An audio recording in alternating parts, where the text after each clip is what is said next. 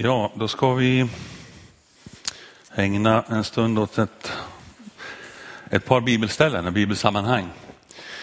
Eh, vi kommer dit alldeles strax. Eh, ämnet för dagen är ju, kanske kan man tycka på en lite negativ eh, ton, därför att det handlar om sånt som är jobbigt i våra liv. Sånt händer för de flesta av oss kanske man ska säga alla, om man går på hela livet så har det alltid hänt något tufft. Så är det.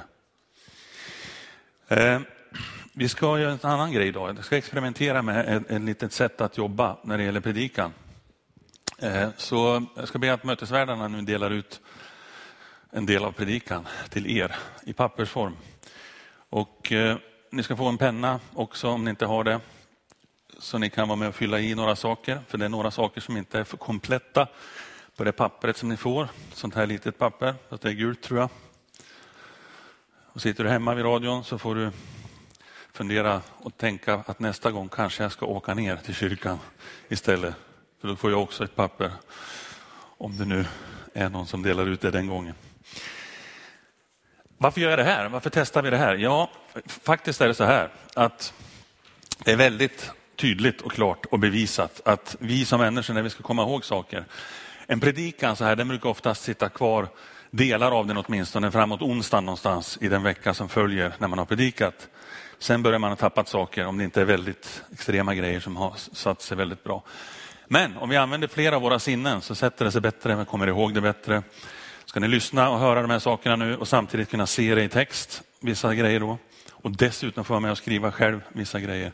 Så fortsätter det att få oss att ta till oss och förstå vad budskapet är på ett sätt som sätter sig bättre i tiden, med längden, i längden. Det är mycket i den här världen som är positivt och som är underbart och som är härligt. Visst är det så? Visst är det så? Ja. Eh, semestrar och, och, och, härligt väder och, och, barn som är roliga. Och det finns mat att köpa för oss. Vi kan ha kul. Vi kan se när Sverige vinner någon tävling och jubla. Allt, mycket som är roligt här i livet. Det är det. Inte minst eh, relationer med andra människor, kärlek, relationen till Gud. Så är det. Eh, vi har mat. Tänk att vi har butiker som har hur mycket som helst att köpa i vårt land. Alla har det inte så, men vi har så här och kan vara tacksamma för det. Ändå har vi orsak att klaga tycker vi. Vi går till de här butikerna, det finns fullt med mat, det finns vatten, det finns grejer som jag, jag tycker att jag behöver. Jag kommer och kan köpa tvål så att jag kan tvätta mig. Jag kan köpa schampo så jag kan tvätta håret. Men när jag står där och ska köpa det här schampot så ser jag ju att det är en ganska lång, några meters hyllor med, med olika schamposorter. Där. Så det är inte alltid så jättelätt. Man kan bli stressad för mindre. Man börjar kolla på de här och så ser man att det här är för fett hår. Och det här är för tunt hår. Okej? Okay? Det här är för färgat hår. Ja, men jag har inte färgat mitt hår så det är inte det jag ska ha. Eh, har du mjäll, då ska du ha det här schampot. Och här är lockigt hår, kan behöva sånt här. Och så rätt vad så hittar man en, en eh, flaska som det står för normalt hår. Va? Ska man fråga folk som står runt omkring eller? Hörru du, har jag normalt hår? Eller hur, hur, hur är ditt hår? Är mitt normalt? Det kan vara ganska förvirrande. Man har köpt sitt schampo, man vänder sig om och så ska man köpa lite tandkräm också. Ja, vad händer då? då? Jaha, den här tandkrämen är för karies. Eller mot, mot karies. Jaha. Och det här är mot ilande tänder. Men jag vill inte ha karies, jag vill inte ha ilande tänder heller. Eh,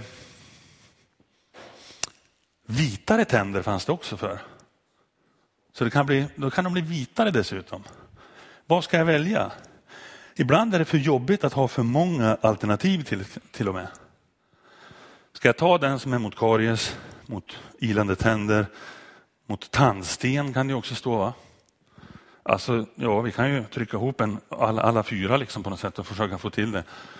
Sånt här kan faktiskt stressa oss idag därför att vi har så otroligt mycket information som ska in i våra hjärnor jämfört med hur det har varit genom århundraden och årtusenden tidigare.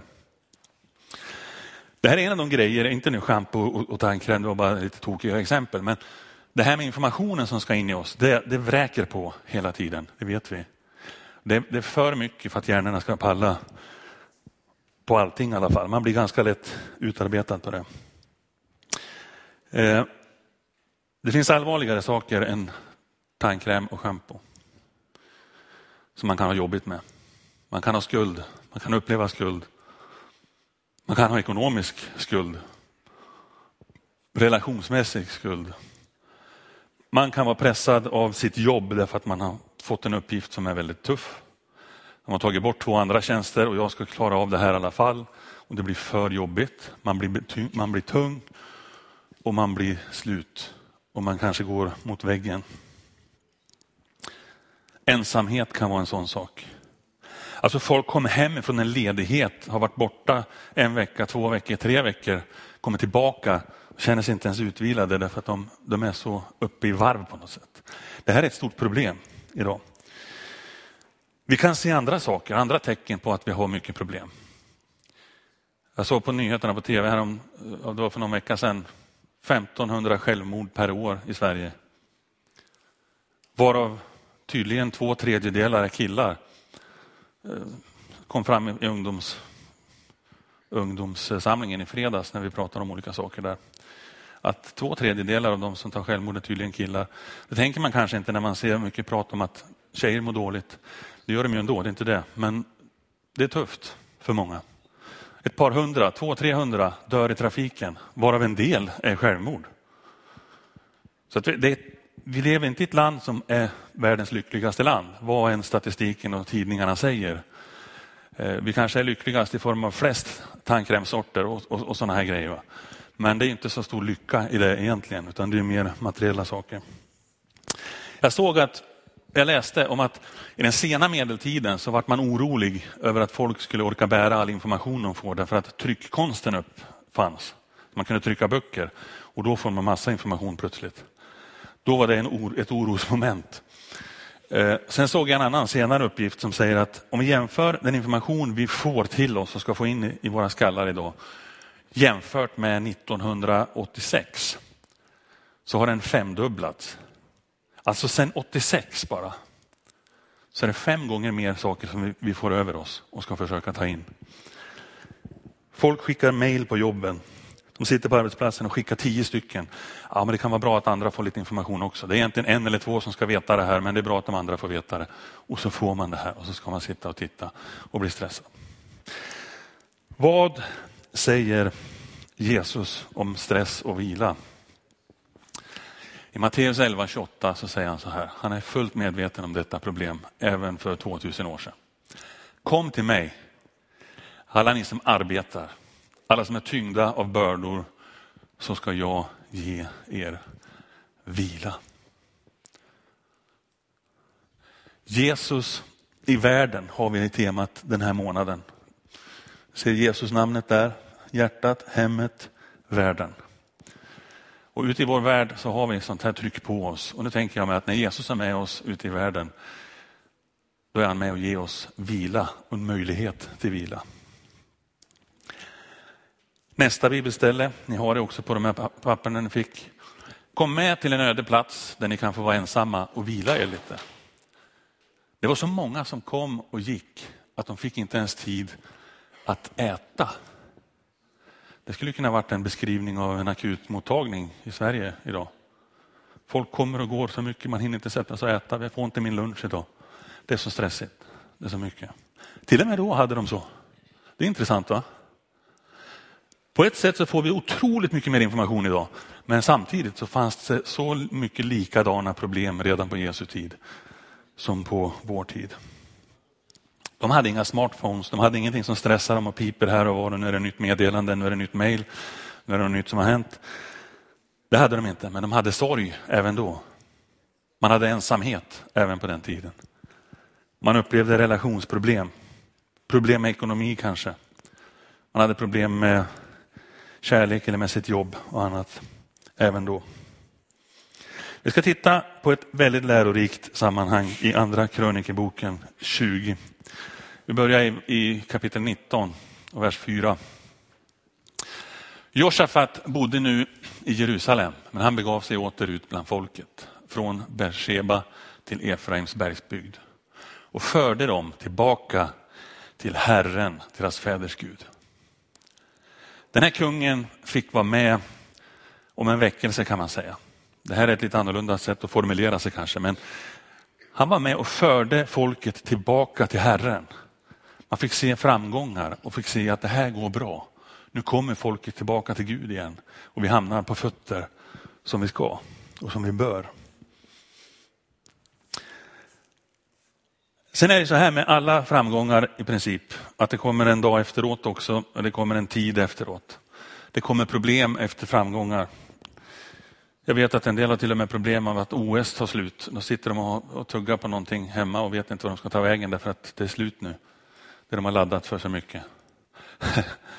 Det är ju ett väldigt eh, ointressant eh, ilandsproblem eller vad jag ska säga. Men alltså, det finns där. Till och med de som har tagit OS-guld som känner att nu, nu har jag uppnått det här. Var det inte mer? Och efteråt får man en fundering. Vad är vitsen med vårt liv egentligen? Och vad menar jag med det här? Jo, det kom en sån motgång för Josafat efter den här framgången och efter väckelsen. Det står att eh, det kom tre olika nationer och omringade folket där de var. Tre stycken olika folk. Det var moabiter, det var ammoniter av två olika sorters ammoniter som fanns där. De hette lite olika stammar eller vad det kan ha varit som skilde dem åt, jag vet inte. Men kungen hamnade i en riktig kris. Han blir rejält överhopad och han, han måste vara otroligt stressad när han står där med sitt folk och har tre nationer emot sig. Tänk er om vi skulle ha det i Sverige. Att vi vet att nu är det tre, tre olika länder, eller räcker vi med ett eller två, som är emot oss och på väg att invadera och ta över vårt land. Där står kungen och nu ska han ta ställning till hur han ska agera i samband med detta. Vad gör han för någonting? Det första kungen gör när krisen är ett faktum. Nu får du ta din penna om du vill. Bara om du vill komma ihåg det här bättre. Du behöver ju inte om du vill. Om du vill glömma det snabbt så kan du strunta i pennan. Men det första kungen gör när krisen är ett faktum. Han vänder sig till Gud. Intressant va? Det här är en kung, han leder ett land. De står inför ett rejält krig. Och vad är det första han gör? Han vänder sig till Gud. Tänk om våra regeringar skulle göra det. Tänka i den banan först. Nu har vi stora hot på gång. Vi går till Gud. Och han gör inte bara det, han går vidare. Vi kan läsa i den eh, vers som står där, Andra krönikeboken 23. Då greps Josafat av fruktan och beslöt sig för att rådfråga Herren. Och han utlyste en fasta över hela Juda. Och Juda samlades för att söka hjälp hos Herren och från alla Judas städer kom man för att söka Herren. Han hade väl ändå kunnat vända sig till en överbefälhavare först.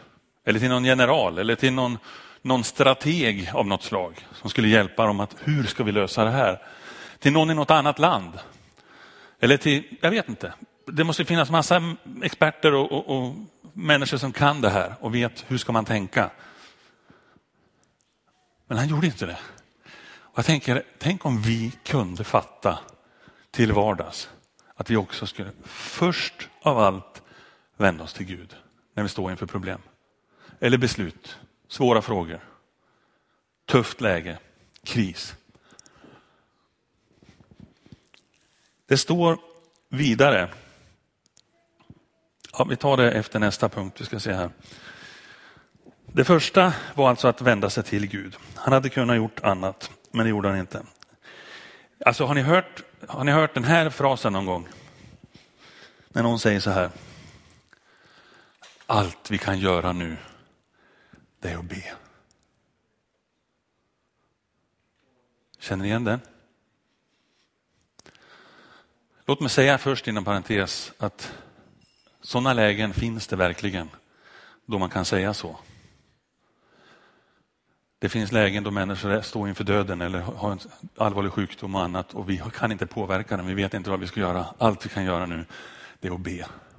Och de tillfällena, de pratar inte jag om just nu. För för de förstår jag fullt ut att vi gör så. Jag tänker mer på när vi står i, i svåra situationer, när vi ska ta beslut, när vi undrar vad vi ska göra i livet. Eller när vi har någonting som trycker oss på jobbet eller någon annanstans. Om man kommer fram till att allt jag nu kan göra, nu är det bara det kvar. Då har man alltså testat själv i egen kraft allt annat först. Om jag inte kan lösa det här. Och så sen sist så märker man, det är liksom en sista utväg att fråga Gud. Vänd på det här. Det, att, att be till Gud om hjälp är inte en sista utväg. Det är ett första val. Det är något helt annat. Något helt annat. Det är ingen galen sektmänniska som väljer att gå till Gud först. Du behöver inte känna att du, är en jättekonstig. Du kom, alltså skulle, skulle Stefan Löfven gå offentligt med att han först ska vara borta i två dagar och prata med Gud ifall det är på gång att landet ska bli invaderat. Då skulle ju folket här i landet, de flesta, tycka att han var knäpp. Och säga han, han måste vi sparka, han fattar inte det här, han kan inte gå till Gud.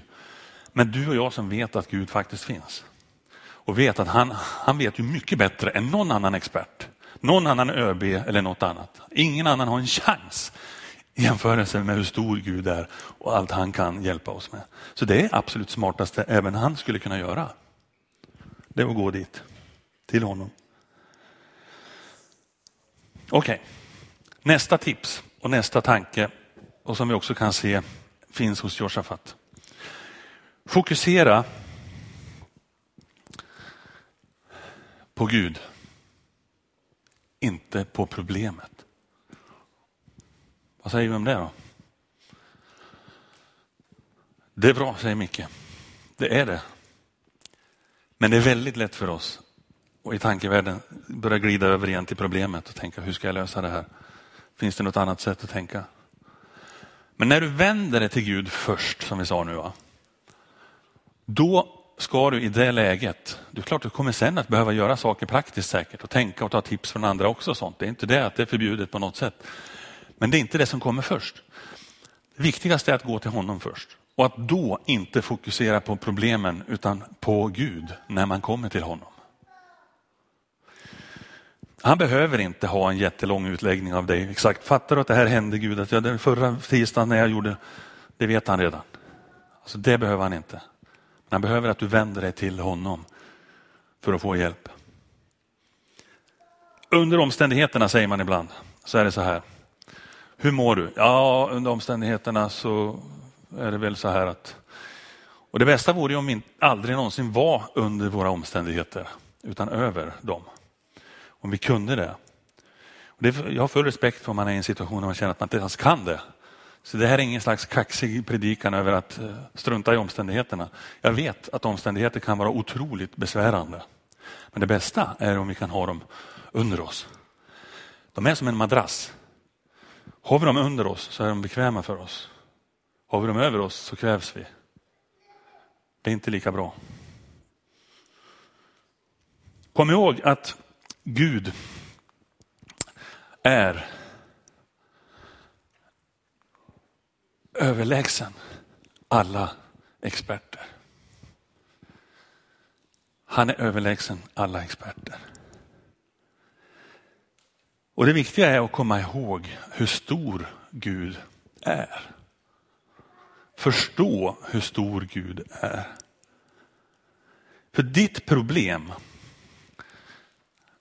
det är lite konstigt på ett sätt att stå så här och tala om ett problem som för en person är en sak, för en annan person är en helt annan sak, för en tredje ytterligare något helt annat. Men man kan åtminstone klumpa ihop det på det sättet och säga så här, utan att på något sätt överdriva. Ditt problem det är mycket mindre än Guds storhet. Och ju mer du inser Guds storhet, desto mindre blir också problemet. I alla fall om vi går med Gud. Struntar vi i honom, tror inte på honom, ja men då blir det en annan sak. Då går man där och har hur stora problem som helst. Man kan inte få dem att, att minska i skala på något vis. Men när vi ser att Gud är så stor som han är och får våra problem, då får våra problem ett annat perspektiv och en annan nivå på något sätt. Det blir inte riktigt lika stort. Vi vet också att han både vet bättre och han vet framåt vad som gäller för oss. Vilket betyder att, jag vet till exempel en barnabön kan man höra. Jag vet ett barn som, som bad så här till Gud på kvällen. Bad med sin förälder och bad så här att eh, Gud, hjälp mig så att jag kan få bli doktor eller jag vill bli läkare när jag blir stor.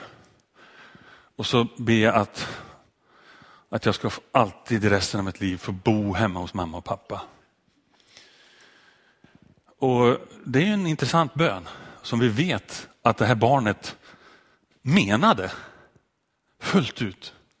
Det här barnet var helt övertygad om att det var det bästa för mig. Jag vill absolut inte något annat. Skulle någon komma och säga, nej, du får nog tänka att du kommer bo kanske i Stockholm på någon... Hjälp! Nej, nej, nej, nej, nej. Du skulle knäckt barnet om du skulle säga så. Det måste få tro så, få tänka så i den, på den nivå där barnet är. Men eh, när det här barnet har växt lite grann och varit med om lite mer i livet så tror jag att han eller hon är tacksam att Gud inte svarade på alla böner exakt som, som man ville. Eh, utan då vill man bo på något annat ställe själv kanske och, och, och fria sig från, från sin föräldrar, sina föräldrar. Det är en ganska självklar sak. Men så här funkar vi också. Fast vi har andra problem då. Nu har vi kanske ett problem som är jättestort i vårt liv. Vi ber om en viss lösning. Vi ser inte att den kommer på det sätt som vi hade tänkt och vi tänker Gud bryr sig ju inte. Det är ingen idé jag ber, det är ingen idé jag håller på med det här för det här händer inte som jag har tänkt. Och ibland behövs det tio år till eller tre veckor till eller vad det kan vara innan vi själva i backspegeln kan se wow, Gud visste bättre. Han svarade som han visste var bäst för mig. Så vi måste ibland förstå, se problemet i vitögat och fatta, det får vara så här just nu. För jag har lämnat det till Gud. Då är det någonting han har i beredskap för mig.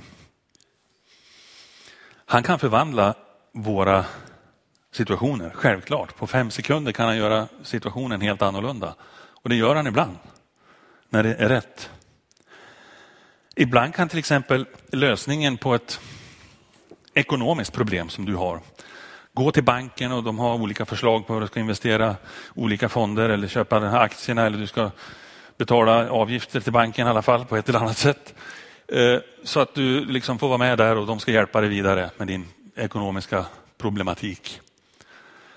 Du kanske får tips ifrån någon som är ekonom och duktig och som vet hur man ska tänka med ekonomin.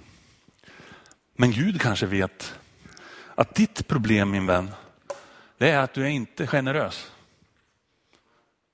Du håller fast vid dina pengar och du, du delar aldrig med dig till någon. Du tänker lite fel här, alltså du ska vara generös, mer generös, ge mer så får du mer. Det kommer att bli bättre för dig om du gör det. Det tipset skulle du aldrig få på banken, det tror jag inte. Åk hem och ge bort lite pengar. Nej, nej, nej. nej. Ja, ge dem till oss i så fall. Det skulle de kanske gå med på. Men eh, ni fattar vad jag menar. Gud kan ha en helt annan, en andlig lag som inte de har en aning om. Men som han kan komma med bara och sätta i funktion. Tjoff, gör så här. Ett till skäl till att först gå till Gud innan du går till experten. Okej? Okay. Här kommer Josafat till det här läget. Han säger, är inte du Gud i himlen och den som råder över alla hedna folkens riken? I din hand är kraft och makt och det finns ingen som kan stå dig emot. Då knyter vi tillbaka till det här med att fokusera på Gud och hans överlägsenhet, att han är större och hans storhet. Vi går till nästa också. Påminn dig om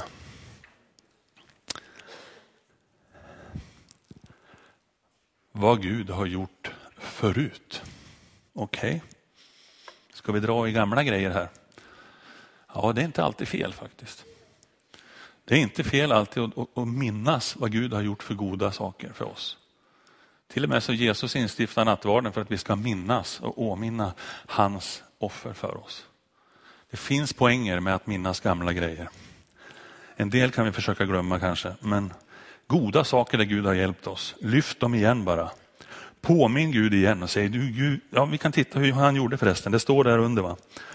Var inte du vår Gud som fördrev detta lands invånare för ditt folk Israel och gav landet åt din vän Abrahams efterkommande för evig tid.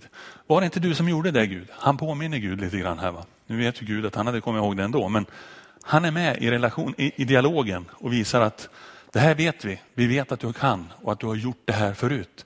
Herre, gör det igen. Led oss igen. Visa oss en gång till. Nästa steg. Tre.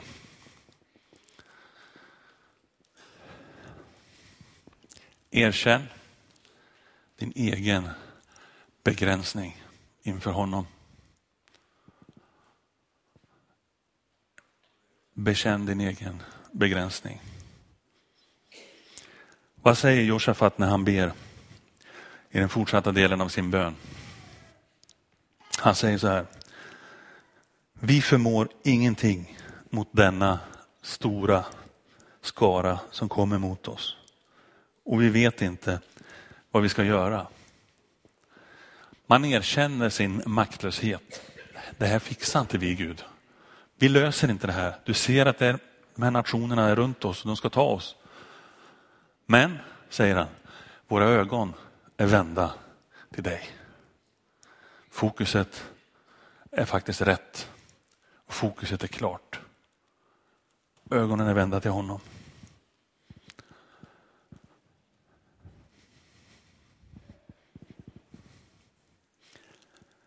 Vad säger Gud och vad blir responsen, vad blir reaktionen från hans del när vi har bett på det här sättet? På vilket sätt? Jo, vi har vänt oss till honom först. Vi har fokuserat på Gud, inte på problemet. Vi har konstaterat att Gud är överlägsen alla experter. Vi har konstaterat att han kan förvandla upplevelserna våra. Alltså att vi påminner honom om vad han har gjort förut. Vi kan åberopa hans löften som finns, tusentals löften i Bibeln som vi kan påminna om och läsa upp så vi själva blir påminna om det. Vilket i sin tur kräver att du ibland har kollat lite grann i Bibeln också så att du vet om några löften. Annars blir det ju lite jobbigt. Har du ingen koll på dem alls då, då har du ingenting att ta upp där. Då tror du att Gud har inte lovat någonting. Men det finns många tusen löften i Bibeln till oss. Okej, okay, vad säger alltså Gud och vad är hans respons i det här läget? Intressant va? Han skulle ju kanske kunna sagt som en annan ÖB hade gjort.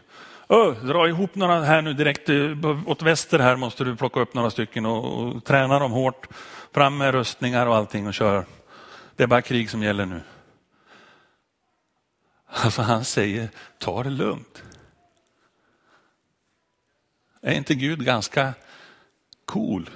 Eller? Varför ska de ta det lugnt? Därför att fighten är hans. Är det inte häftigt hur han tar till sig det här när vi kommer till honom först? Vad står det? Ja, det står i det sista bibelcitatet ni har på pappret. Var inte rädda eller modlösa inför denna stora skara, för striden är inte er utan Guds. Det är inte ni som ska strida. Ni ska bara stiga fram och stå stilla och ni ska få se Herrens frälsning. Wow! Det skulle jag vara med om. Skulle, vill, vill inte ni vara med om det? va? Vi har världens problem, vrålproblem framför oss. Och vi är så otroligt eh, naiva och gudstroende så vi vänder oss bara till Gud istället. När alla andra säger bara, nu måste du kolla med de här. Du, du vet, det finns ju massa folk som kan hjälpa dig här. Jag går till Gud. Han vet garanterat bättre än alla de andra här. Ingen annan. Inte ens doktor Phil kan lösa det här en vanlig lördag morgon. Gud, hjälp mig. Du vet vad du har gjort förut. Jag påminner dig Herre, gör det igen.